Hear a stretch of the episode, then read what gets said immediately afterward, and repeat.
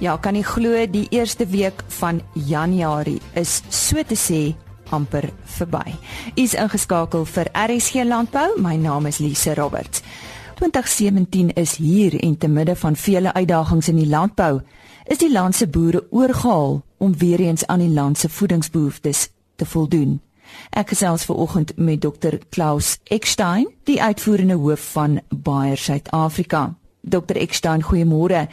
Wat sou u baie dankie boodskap aan elkeen van hierdie boere wees? Ja, goeiemôre aan almal. Dis lekker om saam met julle te wees in hierdie nuwe jaar. Ehm um, eerste punt, voorspoedige nuwe jaar aan almal. En sterkte ook met uh, 2017. Ek dink een punt is verseker. Ehm um, hierdie jaar sal ook nie loop nie soos ons plan nie. En dit is belangrik vir ons om weer saam met mekaar te stap, saam planne te maak en dan hierdie planne so aan te pas dat ons weer winsgewendheid kry op die plaas en op die ou end 'n goeie verhouding lanktermyn ook ontwikkel. Dr Eckstein, ons moet net weer die boere herinner aan die Bayer Dankie veldtog. Wat staan hulle te doen om deel te wees daarvan? Ja, soos jy gesê, die Bayer Dankie uh, veldtog is 'n program wat aangaan nog tot Junie van hierdie jaar. Ehm um, daar's altyd pryse wat ons kan wen op maandeliks op maandelikse basis en onthou net daar is 'n groot prys um, op die ou end van die uh, voltog en dis die wins van 'n Toyota Land Cruiser.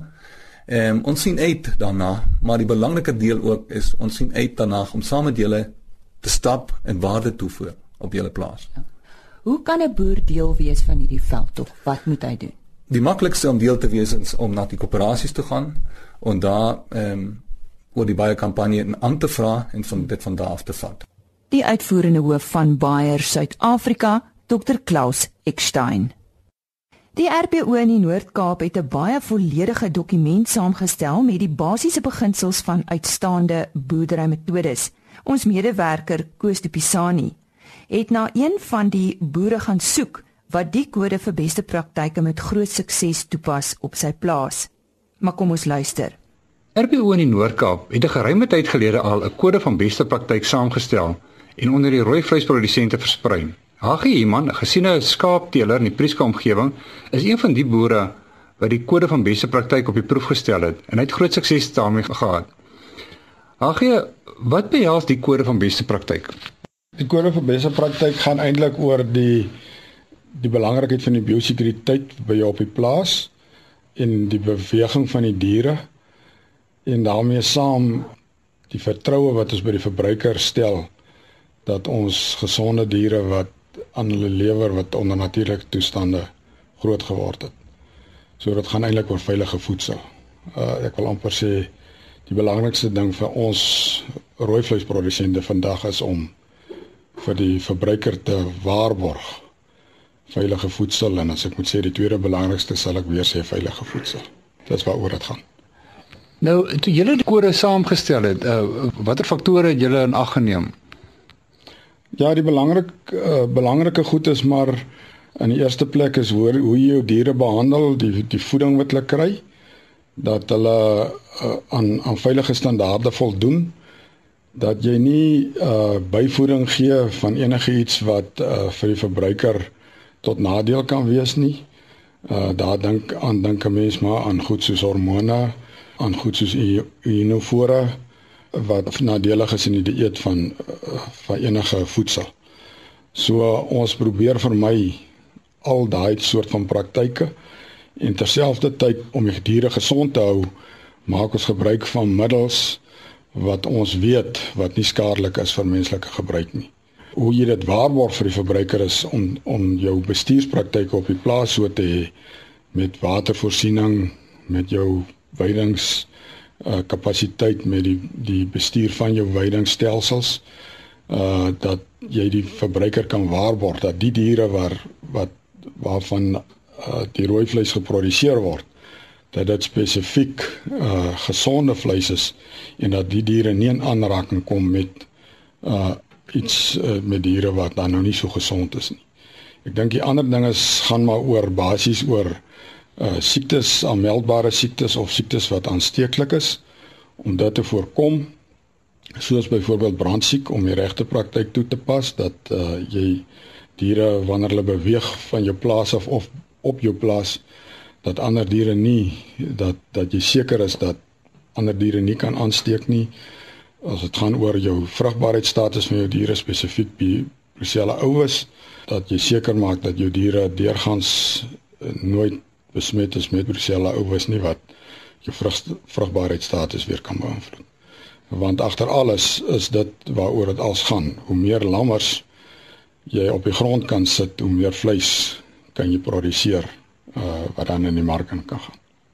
Hoekom het die RPO dit nou nodig ag om hierdie kode van beste praktyk uh, onder die boere te aan te moedig? Uh, voel jy daar was 'n 'n geval gewees dat die boere nie meer gekyk het na die basiese beginsels nie of is dit maar bloot net om beter uh, produksie op, op op die mark te kan hê? Ja, ek dink die, die belangrikste is in die eerste plek produksie te verhoog sodat ons volhoubaar in ons geval rooi vleis kan kan voorsien aan die aan die produsent ag aan die verbruiker.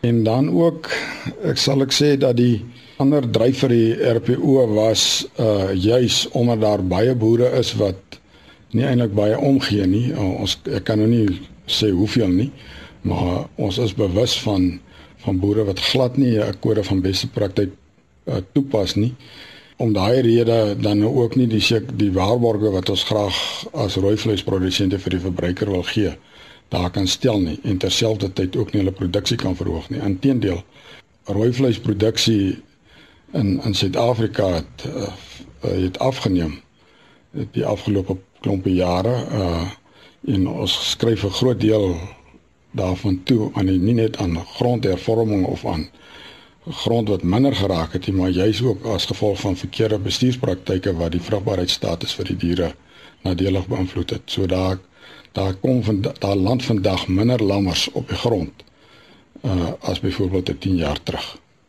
So die uh, kode van beste praktyk is om landbou as 'n geheel te verbeter, maar jy praat ook baie van die verbruiker en en die behoeftes van die verbruiker. Is is daar 'n behoefte onder verbruikers om seker te wees die waar die uh, vleis vandaan kom of dink jy Jan Alleman koop koop wat beskikbaar is? Ja nee, daar is verseker veral omdat ons middelklas verbruiker se rooi vleisverbruik dramaties toegeneem het die afgelope klompe jare, is daar ook 'n baie groot behoefte aan veilige voedsel, in ons geval aan veilige rooi vleis of dan nou proteïene. En as we daarmee saamgaan, waar waar kom dit vandaan? Hoe word die diere gehanteer? Wat is die geskiedenis waarvan die diere kom? En uh dit wat die diere gebruik om op die ou en die produk op die tafel te sit is dit veilige metodes. Ons wil nie uh hê dat die die verbruiker enigstens 'n vraag moet vra rondom groeistimulante en oenofore en die soort van goed wat uh wat die verbruiker se veiligheid nadelig kan beïnvloed nie. Ons strewe is om veilige voedsel vir die verbruiker op die tafel te sit dat hy met die grootste vrymoedigheid dit kan gebruik en dat hy kan terugvra waarvandaan dit kom Ons maak byvoorbeeld ook by ons op die plaas 'n naspeurbaarheidstelsel gebruik. Uh so ons kan uh as die produk op die regte metode metode hanteer word en op die regte plekke geslag word en op die manier uh op die rakland dan kan die verbruiker by wyse van die uh kode wat op die pakkie is die die vleis se oorsprong terug uh naspeur tot by my op die plaas. Nou, die uh teelers wat ehm um, gebruik maak van die kode van beste praktyk, het hulle 'n spesifieke uh handelsmerk waaronder hulle kan produseer of uh word al die vleis maar saam in die, in die bondel uh in die mark ingestuur?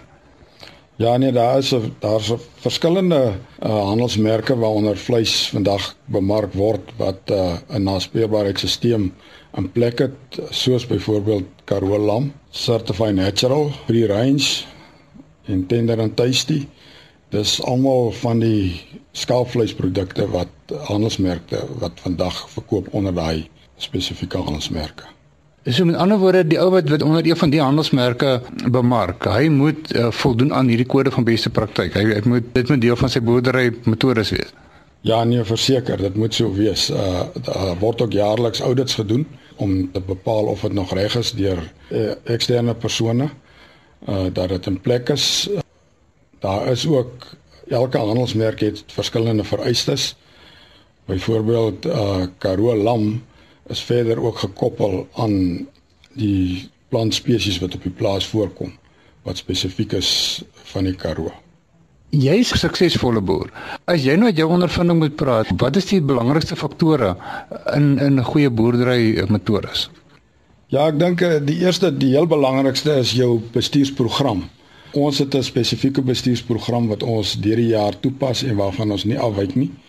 Waar ons dan al al die moets en moenies insluit van wat ons moet doen om 'n veilige produk te voorsien, ook in ons teeling dat ons ook terselfdertyd nie net kyk na byvoorbeeld uh, groei nie, maar dat ons ook reproduksie aanspreek want reproduksie is baie belangrik.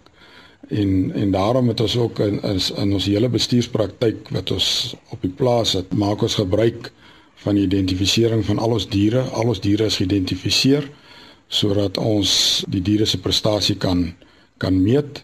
Al die diere se prestasie word gemeet. Uh, ons maak gebruik van stamboek wat dan vir ons die terugvoer gee op al ons diere en wat en daarvolgens selekteer ons dan ook vir produksie sowel as vir reproduksie. Uh, om om net weer te herhaal, ek dink die hele belangrikste dryf van inkode vir Beksterpak praktyk word geonderstreep deur jou bestuursprogram wat jy toes, toepas op die plaas.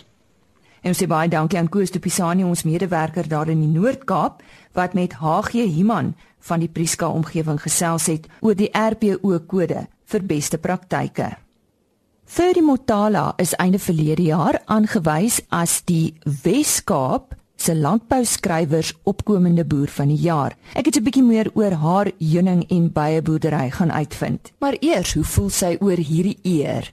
Um ja natuurlik Lisa, um enigiets so groot as hierdie is maar uh is maar 'n groot eer en um dis eintlik amper humbling wil ek sê gesien te word deur ander mense van buitekant af. So ja, dit was fantastiese eer. Vinnie sê vir my, waar het jou belang nou daar in die in die dis maar eintlik landbou. Waar het dit vir jou begin? Is is jy maar 'n plaasmeisie van kleins af? nee, um, eintlik nee. Dis maar dit was maar altyd um as as 'n tiener het ek maar altyd gedroom ek wil eendag op 'n plaas wees. Maar soos 'n city flicker is is plaasfees mos maar um iets amper eksentriek of iets amper um soos movie like. So dit was eintlik dieselfde soos wat landbou eintlik is nie. Maar ja, dit was destyds 'n droom geweest, nie een wat ek gedink het um ek sou eintlik aanpak nie maar um, die geleentheid het aangebreek en toe ek weer kyk vir seker op die plaas. En hoekom nou juis bye en heuning? Um dit was toevallig. Um ons het eintlik ons kariere opgegee om hier te wees om te kom boer. Um dit was dis eintlik 'n vrugte 'n vrugte plaas. En um die bye was heel toevallig, soos ek altyd sê, dit was karma. Um ek het daar was 'n paar uh, omtrent so ses korwe uh, op die plaas wat ek omtrent geërf het van van 'n beieboer um, in die omgewing wat afgetree het. Uh, dit was maar nou net 'n belangstelling om om te kyk hoe die beie werk en um, iemand wat die stad van, van die stad af kom weet mos nie hoe hoe dit werk en so aan. So dit was maar nou net ek was nou net geïnteresseerd daarin. Um dis eers eers seker omtrent so 2, 3 jaar later dat ek eintlik um daaraan gedink het om het om dit te doen um, as 'n besigheid. Um, maar dit was glad nie deel van die plan nie. En waar het jy jou kennis gekry? Baie baie was was research en ek lees verskriklik baie oor oor omtrent alles. Um so baie was daarvandaan en dan het ek um 'n kursus geloop um op Elsenburg. Um seker so ja, omtrent so um 'n jaar of so voordat ek die besigheid begin het. Nee nee, dit was dit was 'n bietjie vroeër as dit. Maar ehm um, ja, het ek 'n kursus uh, geloop op Elsenburg en ehm um, maar die leerwerk begin mos maar altyd as jy klaar op skool gewees het. Ja, sê vir my nou waar is uh, die plaas geleë? Dit is 'n klein plaasie um, op Woolsley.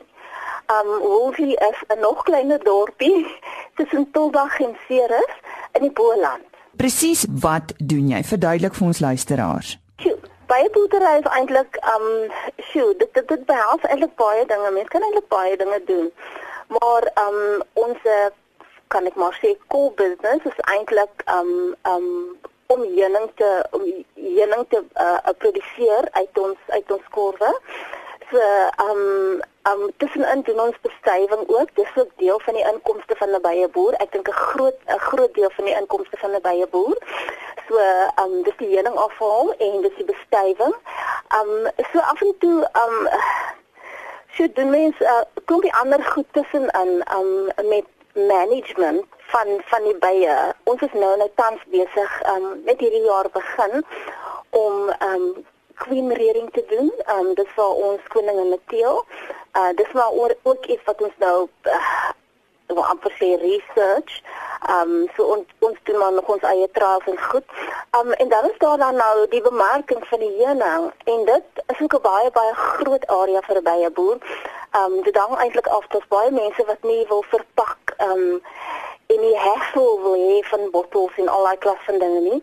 Ons is baie geseën in dat um, ons um, dit kan doen ons het die infrastruktuur um, daarvoor. So ons het 'n hele klompie heuningprodukte wat ons produseer en dan as 'n as 'n byproduk van die heuning en die bye was en so aan en wat uit die kolf uitkom het ons ook ons eie um body care range. So ons maak um soos hand lotions en seepe en al daai klas van dinge um uit bye was en heuning. Hoeveel mense het jy wat vir jou werk? Op die oomblik is daar 3. Tussentyd, uh, met die seisoen en so aan, um, is daar ek ons bietjie meer mense om in die veld te werk. Ek werk self in die veld. So, ehm um, dan is daar altyd eh, 'n uh, paar ekstra manne wat help in die in die veld om korwe te dra en heuning af te haal en daai klas van dinge. Maar ehm um, permanent is daar drie, daar's iemand wat in die uitswaaikamer is en daar's iemand wat in ons ons het 'n klein retail store.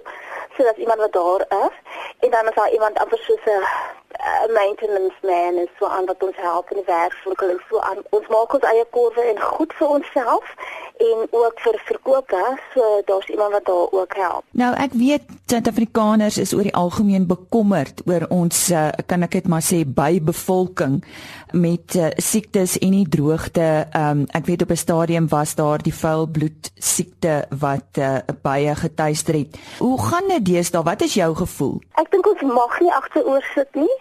Um ek dink dis 'n groot dis 'n dis 'n groot bekommernis. Soos wat ek sien, lyk dit asof ons nog bietjie beter as is as baie ander plekke in die wêreld. Dit moet ons nie laat agteroor sit en dink dis so reg nie. Um, ek dink dit is 'n reuse groot probleem en die industrie is tans besig om om daarna te kyk. Die departement uh, van landbou is ook um, tans besig om daarna te kyk oor um, wat gedoen uh, moet word wat gedoen kan word wat eintlik die situasie is en so aan. Um en ek dink deel van die probleem is ook awareness. Um nie net uh, baie boere en so aan nie, maar maar van die van die publiek um oor die algemeen baie mense is geneig om sommer baie dood te spuit van hulle in die dak of in die muur of iewers um in die huise. So baie van baie daarvan gaan oor um um creating awareness en so aan. Um maar ja, um ek dink um oor die volgende uh, paar maande of in die nuwe jaar of so, dink ek gaan daar groot belangstelling wees om 'n uh, strategie te ontwikkel om um hierdie probleem van ons op te los. Ek sien jy wil ook graag op 'n uh, transformasie in hierdie bedryf fokus. Wat het jy in gedagte? Transformasie is 'n groot ding. Dit is 'n verskriklike groot iets en 20 jaar later, ehm um, dink ek is ons is ons ver agter. Ehm um, ek dink daar's baie dinge wat ehm um, wat oorgesels moet word, baie dinge wat op die tafel moet kom. Ons ons het baie verskille in hoe om ehm um, um, ons dink oor wat ons transformasie is en hoe dit gedoen moet word. Um so ek dink um vir my gaan dit oor um negotiation. Daar's niks wat nie oorgesels kan word of wat nie opgelos kan word sonder uh, negotiation nie. So um um ek dink ons het nog 'n verskriklike lang pad om te stap.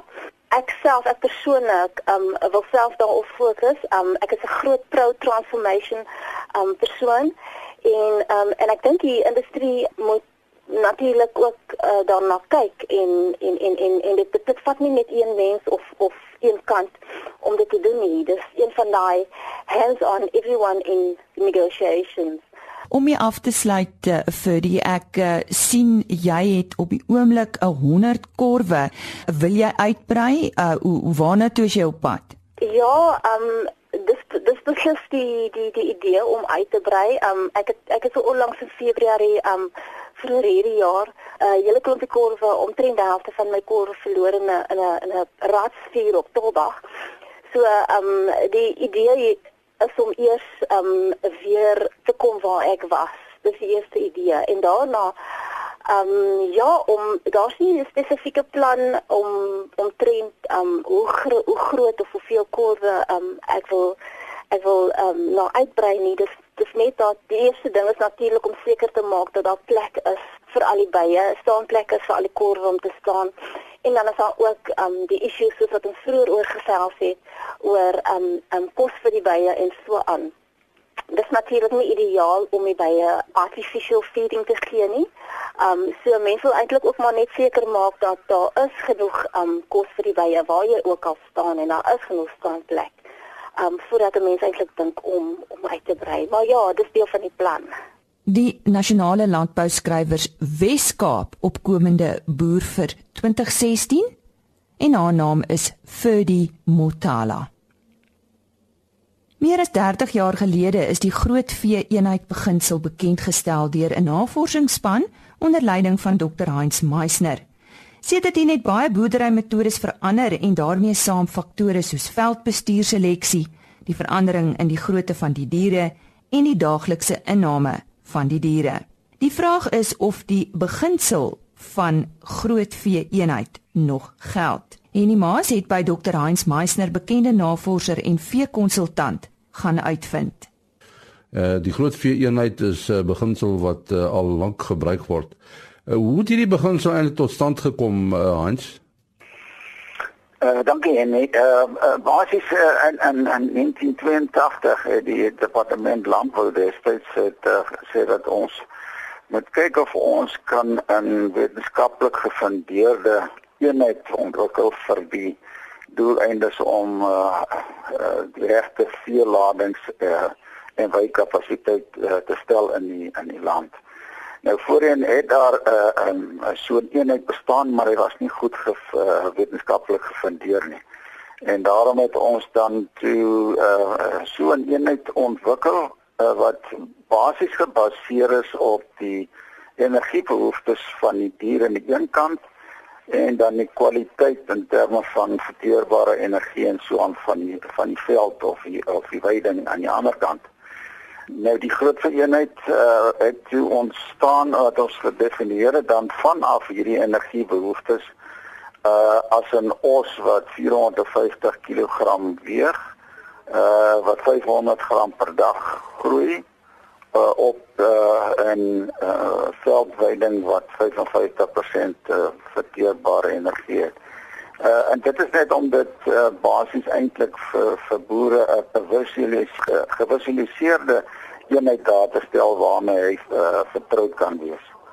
Nou die wat dit uniek gemaak het is dat uh, die energiebehoeftes van diere natuurlik verskil en binne 'n spesies verskil dit. Ehm uh, dit is uh, baie verskillend van 'n kalf byvoorbeeld as ons nou beeste as die spesies gebruik teenoor ehm um, 'n droë koei of teenoor 'n koei wat dan 'n kalf soog of dan 'n uh, dolly wat afgerond word, is die behoeftes baie verskillend.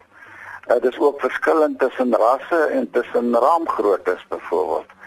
En daarom moet ons al hierdie faktore in ag geneem en uh op energiebehoeftes basis en dan uh die uh dit uitgedruk in terme van die gedefinieerde uh, groot eenhede in terme van hulle uh, energiebehoeftes. Nou goed, as mens die afgelope 30 jaar in oënskou neem, daar was baie veranderinge in die landbou. Geld die beginsel van destyds, geld dit nog? Ja, ek dink die beginsel is uh omdat dit wetenskaplik gefundeer het, is dit is dit baie gesond. Ek dink nie dit is iets waarna mens moet uh torring nie. Uh oor twee redes, die een dat dit wetenskaplik is, die ander rede is dat uh ons boere is vertroud nou oor jare met met so 'n eenheid en ek kan dit visualiseer. Wat wel uh, verander het oor die oor die jare is dat toe ons destyds in 1982 ehm uh, um, uh, byvoorbeeld uh, nou diere ingedeel het of beeste ingedeel het by hulle verskillende raamgrootte gro groepe is ehm uh, massas van daardie tyd uh, as die norm geneem. En ons weet met prestasietoetsing, uh verbeterde bestuur, ehm um, uh veidings wat ook verbeter het, miskien oor die jare uh uh voeding wat verbeter in jare het van ons rasse se gemiddelde massas uh verander uh, en miskien groter geword. En dit uit die aard van saak moet 'n mens in in gedagte hou nou.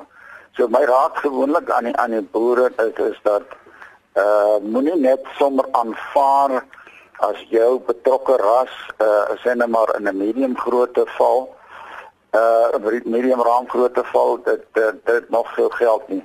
Gaan doen 'n paar toets wegings van jou van jou beeste van daai betrokke ras. En as dit swaarder geword het uh gebruik dan liewer die die groter raam se waardes.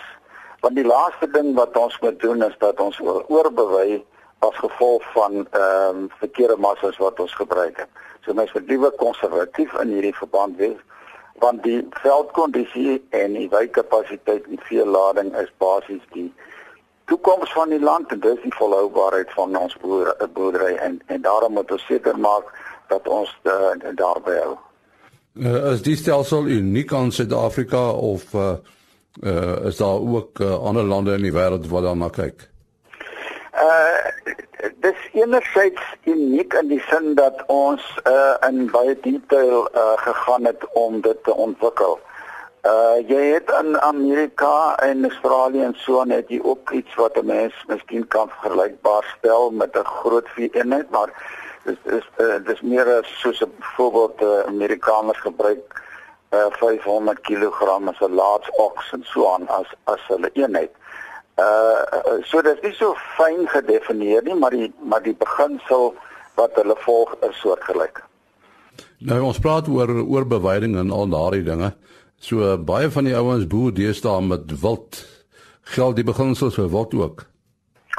Ja, uh, uh, uh, uh sekerlik. Uh en en in feite uh, is is die uh, uh groot vereenheid beginsel uh, eintlik uh, baie toepasbaar. Uh toe ons destyds die ontwikkeling gedoen het, uh, sou jy besef natuurlik dat op daardie stadium 82 en die 82 was nie baie met wild geboer soos dit vandag die geval is nie. En ehm um, uh, so daar was daar was nie baie uh syfers van data wat 'n mens kon gebruik nie. So ons het maar op groei kurwes gewerk en op op uh uh melkproduksie van uh van van uh wildspesies wat jy in die literatuur kon kry en daarvan af stelselmatige stelsel gebou en dan dit op die op die energiebehoeftes van daai betrokke wildsoorte in vergelyking met die groot eenheid ingestel. Maar wat hier baie belangrik is is dat ons het ehm um, wildspesies wat hoofsaaklik graspreters is, soos sê net maar buffels vandag. Ons het wildspesies wat hoofsaaklik daarvleeters is, soos uh kudus en kameelpere en, en dan het ons wildspesies wat beide gras en en uh struike vreet, soos byvoorbeeld rooibalke. En wat belangrik is is dat uh, die met ander woorde die hulpbron, die die veldbron wat tot hulle beskikking is, is verskillend. Dis nie net gras byvoorbeeld nie. Dit is belangrik dat dat wildboere uh, uh, in terme van die energiebehoeftes van die diere gebruik maak van die groot eenheid. Maar dan is dit belangrik dat hulle hulp inroep soos weidingkundiges wat vir hulle kan sê hoeveel materiaal, vreedbare materiaal van bos daar is as hulle kudos het op die plaas, hoeveel vreedbare materiaal van ja, van gras en dan uh, uh, gras en struik uh, en so aan sodat daai spesies wat hulle dan in daai konteks op uh, wil meer boer uh, dat daar voldoende materiaal is en dan kan hulle die groot eenheid gebruik om uh, te bepaal wat hulle betrokke veelading moet wees. Ons sê baie dankie aan Dr. Hans Meisner. Nou ja, as ons weer gesels, is dit Maandag 9 Januarie. Ons sien uit daarna. Totsiens. RSG Landbou is 'n produksie van Blast Publishing. Produksieregisseur Henny Maas. Aanbieding Lisa Roberts. En uitskoördineerder Martie Kerstyn.